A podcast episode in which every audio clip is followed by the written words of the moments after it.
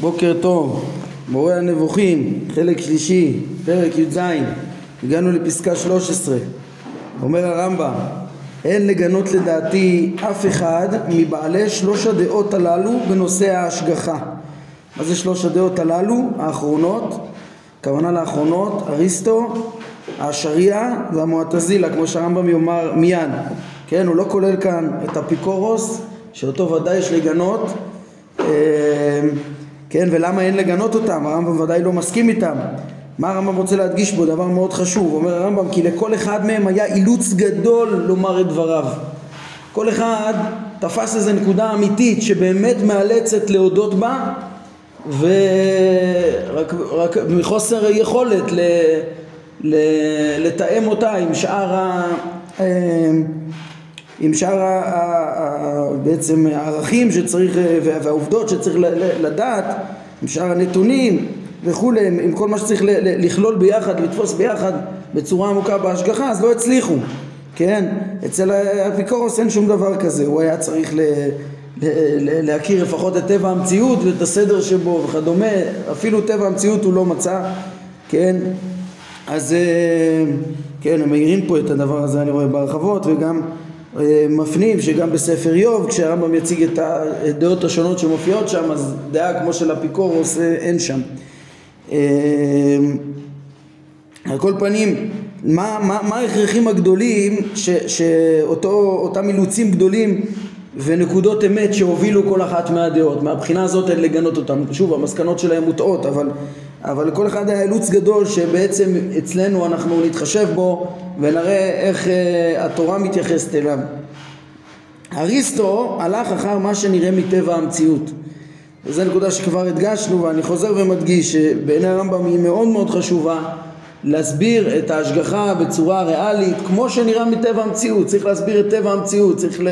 לא רק ל... אה, אה, להגיד אה, הסברים אה, דתיים שאין להם אחיזה במציאות וגם לא, אנחנו לא עוסקים פה רק בעצם היסוד בהשגחה להאמין שגם אם אנחנו לא מבינים קיימת השגחה אלא פה בפרקים האלה אנחנו מתאמצים להבין את, את סוד הצדק שבהשגחה, את סוד המציאות ו, ו, והכל תואם לטבע המציאות. אז אריסטו הלך אחר מה שנראה מטבע המציאות ובצדק הוא זיהה הרבה מטבע המציאות כמו שדיברנו סביב שיטתו השריעה הם ברחו מלייחס לו יתעלה חוסר ידיעה במשהו. זה הנקודה האמיתית ש, ש, ש, שבתוך הדברים שלהם. כן מה שהם uh, טענו שיש גזרה בהכל זה כבר הפרזה. uh, uh, לא, לא נצרכת ולא, ולא נכונה ולא מתאימה לטבע המציאות כן? אבל, אבל ההבנה שהבורא יודע את כל המציאות שהוא יוצר כן? ושנובעת מאיתו אז כבר ראינו שהרמב"ם אה, אה, צווח על ההתפרצות של הפילוסופים בפרק הקודם כבר ועוד נראה בפרק כ' אה, איך, איך צריך להסביר את זה אבל אז יש פה נקודה אמיתית שהניעה אותם. בלתי אפשרי להגיד כמו הפילוסופים שהבורא לא יודע את הפרטים כן? עכשיו הם ממשיכים לא ייתכן לדעתם לומר שהוא ידע פרט זה ולא ידע פרט אחר. בעניין אולי בעניין ההשגחה אנחנו מבינים שיכול להיות חילוקים לפי מדרגות הדברים אבל בעניין הידיעה ברור שהוא אמור לדעת את כל מה ש, ש, שנובע מאיתו, את כל מה שהוא יוצר, כן? אז, אז, אז, אז, אז, אז הם צודקים, אבל מתוך זה אה, התחייבו להם, כן, כך שאותם אבסורדים התחייבו והם קיבלו אותם על עצמם, כי לכאורה אם הכל ידוע מראש אז גם הכל גזור, הכל גזור, הכל אחר הרצון הגיעו לכל האבסורדים הנוראיים שהרמב"ם פירט בשיטתם, כן, בשיטת השריעה, פסקה תשע, אה, תשע בעיקר, כן, אה, תשע עשר.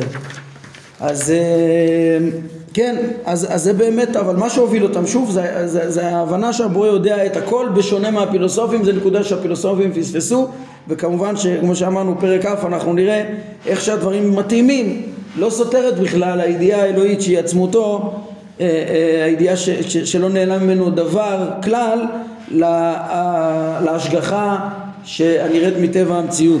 יפה לראות שהוא כותב את זה בדרך השאלה לשיטתו. מה? הוא כותב את זה בדרך השאלה, הוא כותב שהם ברחו מנכס לחוסר ידיעה. כן. אז אתה אומר אפילו את זה, זאת אומרת הם לא תפסו את הנקודה שצריך לייחס את זה בצורה שלילית, זה מה שאתה רוצה להגיד? לא, הרב מתנסח לשיטתו, כאילו הוא עקבי, כן, כן. כן. וכן המועטזלה אה, כן, כמובן שהם לא הבינו את זה, הם הרי מבינים שזה סתירה והם שללו את הבחירה בגלל זה, כמו שראינו. כן, גם במועטזילה האלה הם אה, הכרחים חשובים, כן? אה, שמה, וכן המועטזילה ברחו מלייחס לא יתעלה עוול ורשע וגם אין נאות לדעתם להתכחש לאמונה הדתית הטבעית ולומר שאין עוול בגרימת איסורים אה, למי שלא חטא. וגם לא היה נאות בעיניהם ששליחותם של כל הנביאים ומתן התורה יהיו שלא לעניין שניתן להבין בשכל. כן, הרי זה, זה הכל הפוקם מה, מה, מהאבסורדים של השריעה, שהשריעה סבלו, הם לא, לא יכלו לקבל את הדבר הזה, כאילו לומר שבאמת הכל לגמרי גזור ואין לאדם בחירה ברמה כזאת שהציווי יהיה לבטלה כמו שראינו ושה, ושהבורא יגרום, ייתן שכר ועונש, יגרום איסורים, הכל הוא יגזור בלי בחירה ובלי אשמת האדם בשום פנים ואופן, או בלי לפצות לפחות, לדעתם גם זה צדק ראינו, כן? או כן, הם, הם, הם קיבלו את האמונה הדתית הטבעית, את, ה, את ה, אה, ההבנה הפשוטה הזאת ש, ש, שכל אדם ברגש הדתי שלו קולט אותו, אה, ש, ש, שלא יכול להיות שהבורא ייתן עוול ולא יכול להיות שלא יהיה שכר בהתאם למעשים וכדומה, זה דברים שהם אמרו אי אפשר להתכחש אליהם אבל מה, כן, כן, אה, אבל גם הם תקועים בסוף, כן, כמו שראינו. נמצא שגם הם קיבלו על עצמם את מה שלקחו מאותם אה, אבסורדים, כן, זאת אומרת, בסוף אבל, אה, אז שוב, היה, זה מגמות טובות הרמב"ם תיאר פה, אבל בפועל הרי הם, הם, ראינו שגם אצלם בסוף הכל ידוע והכל גזור, כן, אלא מה שהם ניסו להגיד, להגיד שבכל זאת יש אה, אה, אה, בחירה חופשית ויש פה סתירה, סתירה שאי אפשר להבין זה דווקא יתרון קצת של השריעה, כמה שאפשר להגיד בהם יתרונות. הנה הרמב"ם מוצא את המוטיבציה החיובית שהיה להם בידיעה, אבל, אבל אצלם הם לא, הם, לא, הם לא הסכימו לקבל את הסתירה הפנימית בין ידיעה לבחירה. כן, בשונה מהמועטזילה, שהם בעצם אומרים הכל גזור ויש בחירה. לא, השריעה היו יותר עקביים גם במוחלטות של הידיעה והגזרה האלוהית כי, ולא, וביושרה של של לא לקבל סתירה של בחירה גם כן אה, אה, עם הדבר הזה. אה, הרמב"ם לא מציין את זה פה במפורש אבל זה גם נראה לי כן ברור שזה נקודה ש, ש, כן הוא לא מציין את זה כי לפי האמת אין בכלל סתירה אז, אז, אז זה, לא, זה לא הנקודה האמיתית בעניין הזה. על כל פנים אומר הרמב"ם נמצא שגם הם קיבלו על עצמם את מה שלקחו מאותם אבסורדים שלמדנו עליהם בפסקה 12 פעם שעברה. כן ונתחייבו להם גם סתירות כן, הרי גם אצלם יש אבסורדים, גם אצלם, גם אצלם אין צדק, גם אצלם הם אמרו ש... אה, כמו שהרמב"ם תיאר, שעל על פגמים, על פגמים מולדים ועל רעות, הם אומרים שהאל גרם אותם בשביל לפצות. זה צדק זה? זה אפשרי? זה חלילה מה, מהדברים האלה? כן, וצמצמו את הבחירה וכולי, וגם התחייבו להם סתירות. מה זה הסתירות? משום שהם מאמינים שהוא יתעלה יודע כל דבר, אה, ושהאדם בעל יכולת כן, יש לו בחירה חופשית, יחד עם זה שהשם יודע כל דבר, וזה מוביל למה שבהתבוננות מועטה מתברר כסתירה פנימית. איך שהם תפסו, כן, דווקא איך שהם תפסו, כי הם הרי למדנו שם ודברים, הם תפסו את הידיעה כתארים חיוביים, כמושגים מוגדרים אה, אה, וכולי, אז, אז אצלם זה, זה, זה סתירה פנימית, וכמו שאנחנו נראה בהמשך, כמו שאמרנו, הרמב"ם יראה אה, איך הסתירה הזאת אינה קיימת בתפיסה אמיתית של דעת השם. אה, בפרק כ', כן? ועצם זה שהוא מציין פה את הסתירה הפנימית שהתחייבו להם גם סתירות והוא לא אמר את זה אצל השריעה אולי בעצם זה כן מה שאמרתי רואים בעצם את השריעה הוא לא ביקר גם על הסתירה הפנימית הזאת אצלם הכל גזור פה הכל גזור מכוח הידיעה וגם בחירה חופשית אז uh, יש פה סתירה פנימית איך שהם תפסו את הידיעה uh, כסותרת את הבחירה אז על כל פנים אתם רואים לפני שהרמב"ם מגיע לדעת תורתנו חשוב לו שוב בהמשך לפרק הקודם אפשר לומר להדגיש את ההכרחים של כולם. את ההכרחים של כולם. ראינו כבר את ההכרחים של הפילוסופים רואים צדיק ורע לו רשע וטוב לו. אז uh, רואים שמקרי uh, בני אדם אינם סדורים לכאורה ובמבט ראשון לפחות לא רואים את הצדק שבהם. ואז uh, אפיקורוס הגזים לגמרי פספס גם את הסדרים שכן יש בעניין הזה והכחיש לגמרי את ההשגחה אם לא את המשגיח גם כן אז, אבל אריסטו דיבר על הסדירות שיש בטבע המציאות הטובה ודיבר ש... ואמר שכל שאר הפרטים מקרים לפי טבע המציאות. המועטזילה אה, סליחה, קודם כל האשרי הרמב"ם דיבר עליהם, שרצו להגיד שהכל ידוע ולכן הכל גזור, וכן, אה, בעצם גם אצלם אה, הוביל אותם הידיעה, הרצון, המוחלטות של הידיעה האלוהית וזה, שזה מוטיבציה נכונה, כן, ו, ו, ולגבי המענה של השאלה של צדיק ורע לו, רשע וטוב לו, אז הם בעצם טענו שהבורא לא מחויב לשום דבר, וקיבלו פה אבסורדים, כן? לא צריך להבין את זה בדעת בכלל, את ההנהגה האלוקית ולא את הצדק ולא כלום ואין בחירה, רק הרצון, יש כאילו אה, אה, אה, הכל מהאל והמועטזילה לא יכלו לסבול את, את, את, ה, את הקשיים האלו נגד טבע המציאות ונגד היסודות של הדתיים הפשוטים ביותר, כן? ולכן אימצו איזה מין גישה דתית עם סתירות פנימיות שגם הרמב"ם בשום פנים ואופן לא יכול לקבל אותה. שוב, פה הם כאילו פותרים גם את הצדיק ורע לו רשע וטוב לו עם ההבנה שיהיה פיצוי. יהיה פיצוי אפילו, יש השגחה על הכל אז אפילו לבעלי חיים הסובלים יהיה פיצוי כן?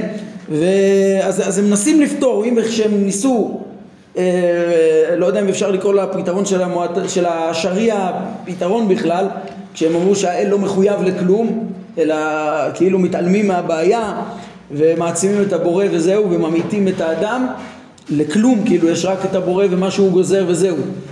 אה, והמועטזילה הם מנסים למעט, לא רוצים לייחס לו עוול ורשע, אבל עושים את זה בצורה בסוף לא צודקת ולא מתאימה למציאות.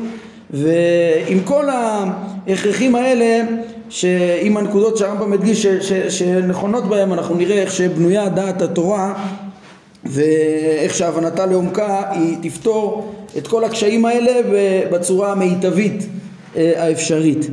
אומר הרמב"ם, הדעה החמישית היא דעתנו, כלומר דעת אה, תורתנו. עכשיו פה צריך לשים לב נקודה מאוד חשובה, הרמב"ם מבחין בכמה רבדים ו- ו- ו- וסוגים בהבנת אה, דעת תורתנו.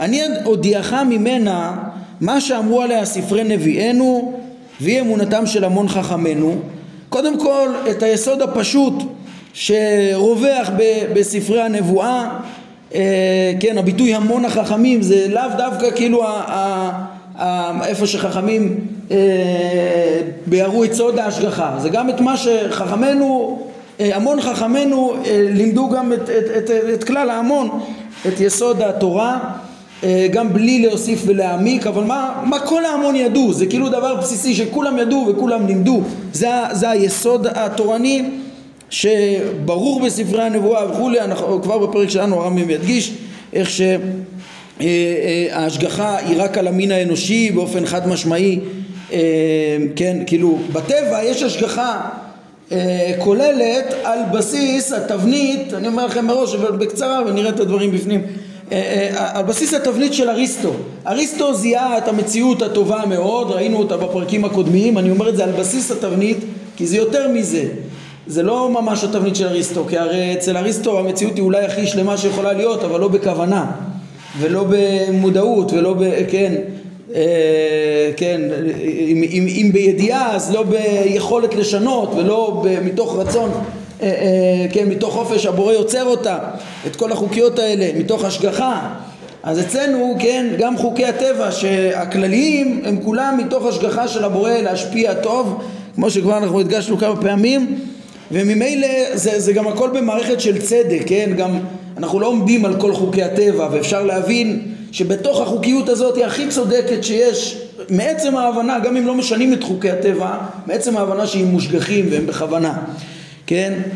אבל זה ביחס לכל אה, אה, הדומם והצומח והחי וכל העולם הטבעי ויש השגחה מיוחדת דווקא לפי ספרי הנביאים דווקא על, על אה, אה, המין האנושי וכך אמונת המון חכמינו כך ילמד הרמב"ם זה ב, ב, ב, ברובד פשוט כן אבל בהבנה הזאת עוד לא מבינים את הסדירות של מצבי בני אדם כן?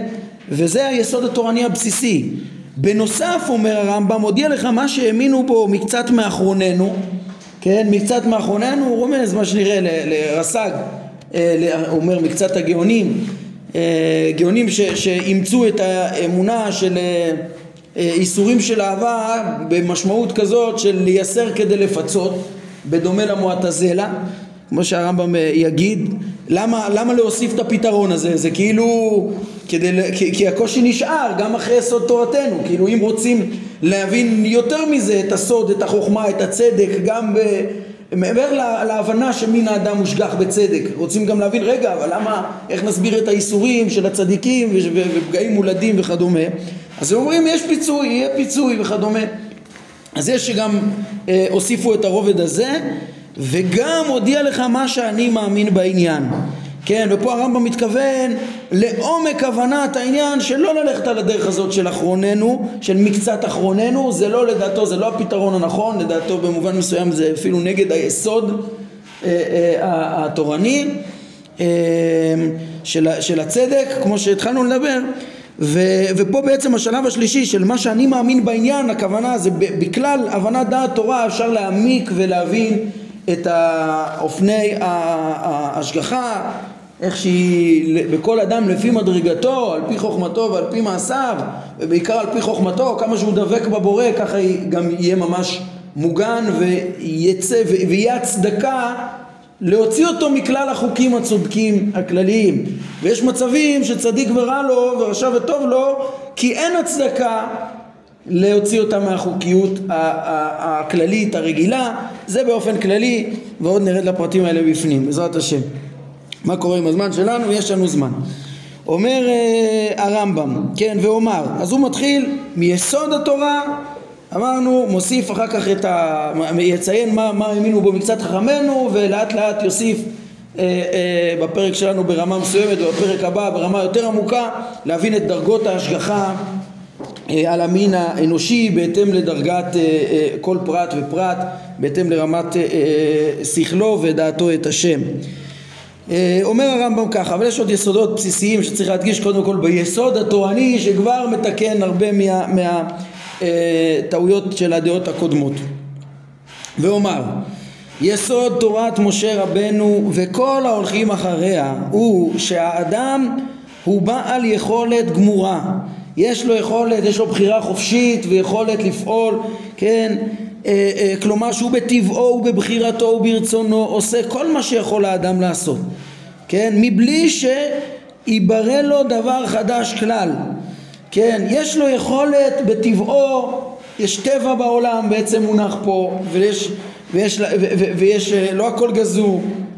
ויש לאדם יכולת מסוימת בהתאם לכוחותיו ובתוך היכולות שלו יש לו בחירה חופשית מה לדבר, מה לעשות וכדומה ו- ו- ו- והוא לא צריך פה שום בריאה חדשה, זה כמו להבדיל מהמדברים שהעולם נברא כל הזמן מחדש, לא, היכולת תבואה בו ניתנה לו מאת האל, כן, וכן כל מיני בעלי החיים נעים ברצונם, גם הם, בעלי חיים הקדוש ברוך הוא נתן להם אה, אוטונומיה לנוע ברצונם בהתאם לגירויים שלהם, אין להם שכל ובחירה מושכלת כמו של בן אדם, אבל כן, יש להם אה, אה, חופש תנועה אה, אה, בהתאם למצבים משתנים אפשריים, לא גזורים. כן, אז בעיני הדעות המוסלמיות זה היה נראה, זה חיסרון. מה, יש דברים שיעשו במציאות לא בגזירת האל? יש עוד סיבות במציאות? אז הרמב"ם אומר, וכך חפץ האל. כן, מה, זה, זה לא הוצאה מגזירתו התעלה, הקדוש ברוך הוא מחוקק את כל החוקים של המציאות, מחוקק גם את הטבע ובורא גם את האפשרות. הוא גם יודע את האפשרות, כמו שאנחנו נלמד פרק כ', לא נעלם איתו האפשרות בלי לגזור אותה. משהו שפספסו המוסלמים, כן? וזה לא מיעוט גם ב... לכאורה יש פה מיעוט בהשגחה סוף סוף, הידיעה מקיפה הכל, אבל בהשגחה אנחנו אומרים לא, אה, יש יכולת לבעל חיים לנוע אה, אה, באופן חופשי, בלי שהבורא יגזור, והדבר ייעשה בהתאם ל, ל, לרצון הבעל חי או רצון האדם וכדומה. אבל זה לא, למה זה לא יציאה מגזירתו יתעלה? כן? זה כי כך חפץ האל. הבורא רוצה שאנחנו נבחר. אנחנו בוחרים, אז זה מה שהוא שמח בזה. זו הייתה כוונתו. כן? אה, וכך חפץ האל, כוונתי שחפצו הקדום מאז ומעולם הוא שכל בעלי החיים ינועו ברצונם ושאדם יהיה בעל יכולת ביחס לכל מה שירצה או יבחר מה שביכולתו. גם זה חוק טבע. כן, מה זה חפצו הקדום? כמובן שהרמב"ם לא סובר ש, שחפ, ש, שהחפץ הקדום הזה הוא, הוא, אה, הוא כאילו אה, מקובע ו, ולא יכול להשתנות, כן? כאילו אין, שלול מן החופש כן, אלא מה, כשהרמב"ם אומר כל פעם למה הוא אומר חפץ הקדום כדי לה, להסביר ש, ש, שזה חוק טבע אה, אה, קבוע וגם תמיד הוא אומר את זה כדי שלא תחשוב שרצונו משתנה. ייחוס רצון כמו רצון שלנו שזה, שהוא תמיד מתפעל מדבר ומשתנה זה חיסרון גדול שבלתי אפשרי לייחס לבורא שהוא שלמות שאינה משתנה.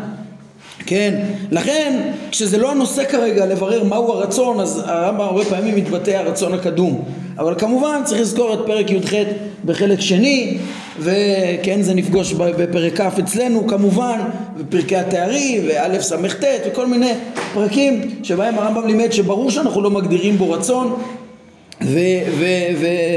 ורצון אה, משתנה אבל גם לא רצון מקובע אלא כל המציאות היא בעצם אה, אה, היא נפעלת מכוחו שלא בהכרח וגם וגם אין דבר שלא תוכנן מראש בעצם, כן? אין, אין בו שינוי ואין דבר שלא לא נודע, מ, מ, מ, לא ידוע מראש. מה זה, אנחנו ישר נגיד תוכנן, זה בעייתי, כי בידיעה שלנו זה סותר את הבחירה. אבל נשאיר את העיון הזה שוב, להיפגש בו שוב בפרק כ'. אומר הרמב"ם על כל פנים מה שהוא מדגיש לנו יסוד תורת משה רבנו קודם כל זה שיש לבן אדם בחירה מוחלטת לא כמו המועטזילה שעוד אה, כאילו טענו, הוכרחו להודות שהדבר הזה קיים בשביל הצדק, אבל צמצמו את הבחירה, כמו שהרמב"ם מציג בתחילת הדעה שלהם. צמצמו קצת את הבחירה, כי הרי הבורא בורא מקרים, אז מה, אז מקרה על מקרה, מקרה שמתמיד, אטומים, כל השיטות ההזויות שלהם, כאילו שבורא יכולת שקצת תיתן לו בחירה מסוימת, ואיכשהו זה ילך בין הטיפות עם הגזרה האלוקית הכוללת, עם הידיעה האלוקית הכוללת, הרמב"ם אומר לא, לא, לא, לא, לא, לא, לא, שאף אחד לא יתבלבל. קודם כל יסוד תורת משה רבנו שאיך הוא אומר מעולם לא נשמע באומנתנו אחרת ממנו תודה לאל. אה, זה שיש לאדם בחירה מוחלטת וכך רצה הבורא. הבורא כן כמו שאומר פה הוא גם קבע טבע כולל חוקיות כוללת שיש בה אפשרות. זה מה שנראה מטבע המציאות. אנחנו לא הולכים להיכנס לאבסורדים של הכחשת טבע המציאות הזאת ו... ואיזה חסרונות דתיים חמורים יש אה, אה, אה, כאילו העצמה של היכולת האלוהית וההשגחה האלוקית אבל המעטה של הבחירה. כל המוסר של התורה כל הצדק בנוי קודם כל על זה שיש לאדם באמת בחירה חופשית וכך חפץ הבורא וזה יסוד תורתנו.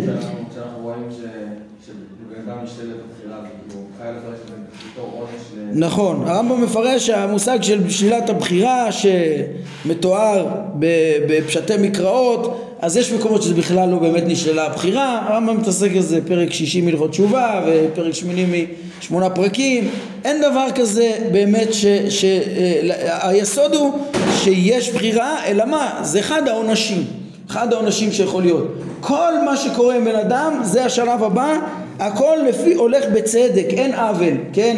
אצלם ראינו עוד עוולות מסוימות, עוד כאילו שהבורא פועל ועושה רע בלי צדק ופה זה, זה ההמשך, היסוד הבא. אני רק אגיד משפט אחד על העובדה הזאת שהרמב"ם אומר אה, זה יסוד, זהו יסוד שמעולם לא נשמע באומתנו אחרת ממנו.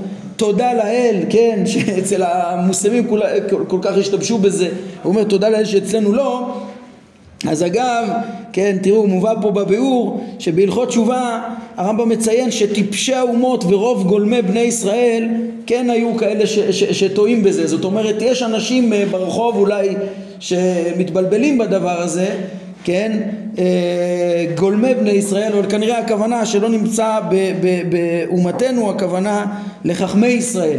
כן, ואגב, שמעתי את, את אה, הרב שילת מדבר על הפסקה הזאת האמת שהוא גם כתב את זה לאחרונה בספר שלו, אני חושב, אה, אה, בין החסידות אה, לראייה, כן? אז הוא גם שם כותב את זה אפילו, שהוא אומר, ותודה לאל עד היום לא קיים דבר כזה, כן? רבנו הרב שילת זכה לפגוש הרבה מאוד, והוא, ואפילו בחסידות, שהרבה גולמי בני ישראל אולי מסבירים את החסידות לפעמים כאילו גדולי מורי החסידות שללו את הבחירה החופשית, אז צריך לדעת שלא, כן?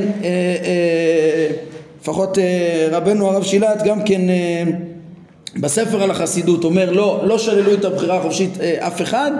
ויש באמת גלמים, או אולי לא רק גלמים, שמעתי כאלה שטוענים שאולי יש כאלה שהתכחשו אליה, בטח יש כאלה שצמצמו אותה, אבל אה, כן, אה, הרמב"ם לא שמע דבר כזה ובאמת אה, כנראה שזה לא חד משמעי ואפשר להבין את גדולי ישראל וגם כל מה שאני ראיתי לא ראיתי שלילת הבחירה באמת ולפי הרמב"ם זה הבסיס של התורה, הבסיס של הצדק של התורה ובלתי אפשרי לומר אחרת. וכן, וכן מכלל יסוד תורתן, תורת משה רבנו שלא ייתכן מלפניו יתעלה עוול בשום אופן שהוא. ושכל אסון הבא על בני האדם ודווקא בני האדם אה, שהם בעלי הבחירה אה, והם חשובים להשגיח עליהם אז כל אסון הבא על בני האדם או טובה מגיעה אליהם יחיד או ציבור בן יחיד ובן ציבור, הרמב"ם מדגיש את זה ב, ב, גם ביסודי התורה, בי"ג העיקרים, בעניין ההשגחה, בהלכות תשובה, מדבר על ההשגחה, על הפרט, על, על המדינה, על העולם כולו, השגחה הפרטית גם כן, נראה, נראה על זה בהרחבה בפרק י"ח, על המציאות שלה. זה יסוד התורה, שמה שקורה ליחיד או לציבור, כל זה כפי הדין במשפט צודק שאין בו עוול כלל וכפי הדין זה מתחיל מהיסוד של הבחירה החופשית שיש פה את מי לדון וממילא אחר כך כל מה שקורה הכל כפי הדין לחלוטין. זה יסוד התורה כן? והמטרה שלנו גם להבין את הסוד. ותראו הרמב"ם אומר פה אפילו באופן מדויק עד הסוף אפילו נדקר האדם מקוץ בידו והוציאו מיד. איזה דקירה קטנה איזה כאב קטן בעולם הזה. כן, אפילו הדבר הזה, הרי זה בא אליו בתור עונש לו. זה עונש לו, זה, זה, זה הכל בצדק, זה, זה כנראה היה מגיע לו הדבר הזה, אין פה דבר שלא צודק. כן, אגב, זה נראה לי על פי גמרא בחולין, לפי גרסת הרמב"ם, כתוב אה, אה, אין אדם ניקף באצבעו למטה בלי שגוזרים על זה מלמעלה, כן? יש בזה נוסחאות, יש כאלה גורסים אין אדם נוקף אצבע ומפרשים כאילו אדם לא עושה שום דבר, מפרשים את זה הפוך מהרמב"ם, כאילו, ל... כאילו הכל נגזר מלמעלה, אבל הרמב"ם גורס ניקף באצבעו, הכוונה שהוא נפצע, נדקר מקוץ קטן, לא יכול להיות ש... ש... שאדם נדקר מקוץ קטן וזה לא יהיה בצדק, זה לאו דווקא שזה, כן, ודאי, זה לא שהכל גזור, ודאי שלא, כן, יכול להיות שההשגחה אה, אה, אה, לפי רמתו תשאיר אותו כמו שאנחנו נראה במצבו שהוא מתנהל בחוסר תשומת לב ונדקר מקוצים וזה, וזה הצדק שגם יידקר באופן אקראי בהתאם למקרה ובהתאם להתנהגותו כן? אז העונש פה לא חייב להיות עונש ניסי, הרבה פעמים העונשים יהיו בתוך הטבע אבל, אבל העיקר, העיקר הוא קודם כל לפני שנכנסים להבנת הכללים וההשגחה בהתאם לנראה מטבע המציאות זה קודם כל להבין שהכל בצדק. חוק טבע, נס, לא משנה כרגע, אנחנו עוסקים ביסוד ההשגחה כמו שמופיע בכתבים האחרים של הרמב"ם וזה אה, אה, שהכל פה בצדק, בשביל זה היה צריך קודם את הבחירה ואז יש השגחה על בני האדם כולם כן? ש, ש, שהכל, כל מה שקורה איתם בצדק. ואפילו קיבל הנאה מועטה, הרי זה שכר עבורו, וכל זה בדין בהתאם למעשיו, על פי חוכמתו ועל פי מעשיו, ככה הלשון של הרמב"ם בהלכות תשובה, כן? והם דבריו יתעלה, כי כל דרכיו משפט. כן, כל דרכיו, תמים פה או לא, זה כל חוקי הטבע גם צודקים, ופה הוא מדגיש כל דרכיו, כל מה שקורה, כל מה שמגיע מאת השם, משפט, משפט, זה הדגש, תשימו לב, לא כמו הדעות האחרונות, הרמב"ם מיד יסכם את זה, כן, פה הדגש הוא המשפט, כן, אלא שאיננו יודעים כיצד הוא הדין, כן, וגם אחרי כל הסודות שהרמב"ם מלמד, לא נדע עד הסוף כיצד הוא הדין, אי אפשר לעמוד על המחשבה האלוקית, כן, כמו שהרמב"ם אומר בהלכות תשובה, יש כל מיני סוגים של שכר ועונש והמון חשבונות, אבל הכל בצדק. והרבה כללים אנחנו נלמד בפרקים האלו על ההשגחה בעזרת השם. רק נראה את הסיכום בזריזות, הרמב"ם אומר, הרי לך סיכום הדעות האלה. כן, חמש הדעות בהשגחה שראינו, כל מה שתראה במצביהם המשתנים של בני אדם, כן, מה שחשוב לנו ספציפית כרגע זה להתמקד רגע במצבי בני אדם, למרות שהדעות יתייחסו גם לשמיים או לחיות וכדומה, על כל פנים ביחס למצבי בני האדם שאנחנו אומרים שיש אה, אה, השגחה, בחירה והשגחה במשפט אז במצבי בני אדם סבור אריסטו שהוא מקרה גמור כן ביחס לזה וסבור השרי כן, האשרי מהאשריה שהוא נובע מן החפץ בלבד, אין שום קריטריון של חוכמה של, שמחייב את הבורא, אה, אגב גם להם יש נמנעות אבל לא משנה, אה, אין מוסר שמחייב אותו והכל הוא גוזר והכל מן החפץ בלבד, וסבור המועטזילי שהוא נובע מן החוכמה ובשונה מכל אלה ואילו אנחנו סבורים שהוא נובע מן הראוי לאדם בדין כפי מעשיו. כן, ועל כן, זה, זה, זה, זה, יש פה, כפי מעשיו, על פי בחירתו, מעשיו וחוכמתו, אנחנו נראה. אה, אה, הכל בדין, הכל בדין, הכל בצדק. זה יסוד התורה עם הצדק הגמור המוחלט, ככל דרכיו משפט, אה, אה, בשונה, כן, פה יהיה מענה אמיתי, באמת, לצדיק ורע לו רשע וטוב לו, זה לא יכול להיות שלא בהתאם למשפט וזה יהיה מובן, וזה יהיה בהתאם לבחירה של הבן אדם וכדומה. כמה שאפשר להבין, לפחות את הכללים אה, אה, כללי הצדק שבזה. כן, אז, אז על כן מסכם הרמב"ם, אפשר לפי השארי שהאל ייסר את, האי, את איש המעלה הטוב בעולם, בעולם הזה וגם ייתן אותו לנצח באותה אש שאומרים שיש שם בעולם הבא ויאמר כך חפץ כן? זאת אומרת אצל האשרי אה, יכול להיות איש טוב גמור, בכלל הבורא גזר שהוא יהיה טוב גמור, כן, והוא יסבול גם בעולם הזה וגם בעולם הבא, שאצלם העולם הבא הוא, כן, אומר את זה פה בציניות, אותה אש של גיהנום שהם מדברים עליה, הרי לפי הרמב"ם, כמו שהוא מלמד בפרק חלק, בהלכות תשובה, אם, אם נזכר אש בדברי חכמים זה משל, זה, כן, הענישה הרוחנית, השכר הוא הדרגה הרוחנית הגבוהה וה, והעונש זה ההפסד שלה, או ההתקלות של ההיכרתות ולא שייך ברוחניות אה, אה, אש, זו שיטה שלמה, כן, שהרמב"ם רק רומז אותה פה, שהמוסלמים לקחו כפשוטו את הרעיונות האלה שלמדו מהתורה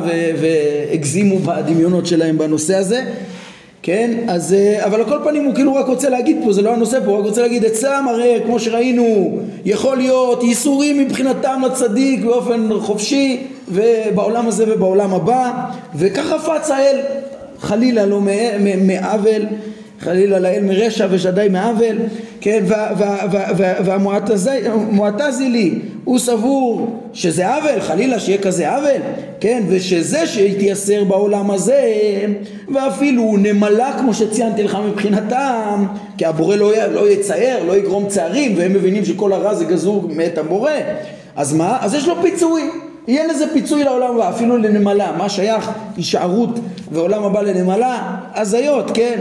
ושהיותו מיוסר לש, לשם קבלת הפיצוי זה נובע מחוכמתו של האל, כי הרי פה אין צדק. אין צדק, הם הרי הם מודעים לזה, מה, זה, זה לא צודק הדבר הזה. אלא מה, הוא יודע מה לגזור לכל אחד ומה לייסר ומה לפצות. פספסו את הצדק פה, ואילו אנחנו מאמינים שכל המצבים האנושיים האלה הם כפי הדין ושחלילה לא מעוול הנה הוא רומז לפסוק שאמרתי חלילה לאל מרשע ושדי מעוול ואין הוא מעניש אלא את הראוי לעונש מבינינו בלבד. זהו שאמרה תורת משה רבנו שהכל בא מן הדין. הכל כל דרכיו משפט זה ביחס לבני האדם וכולי וכמו שנשלים בעזרת השם את הדברים בפעמים הבאות. נעמוד כאן להיום. ברוך אדוני לעולם. אמן ואמן Let's go.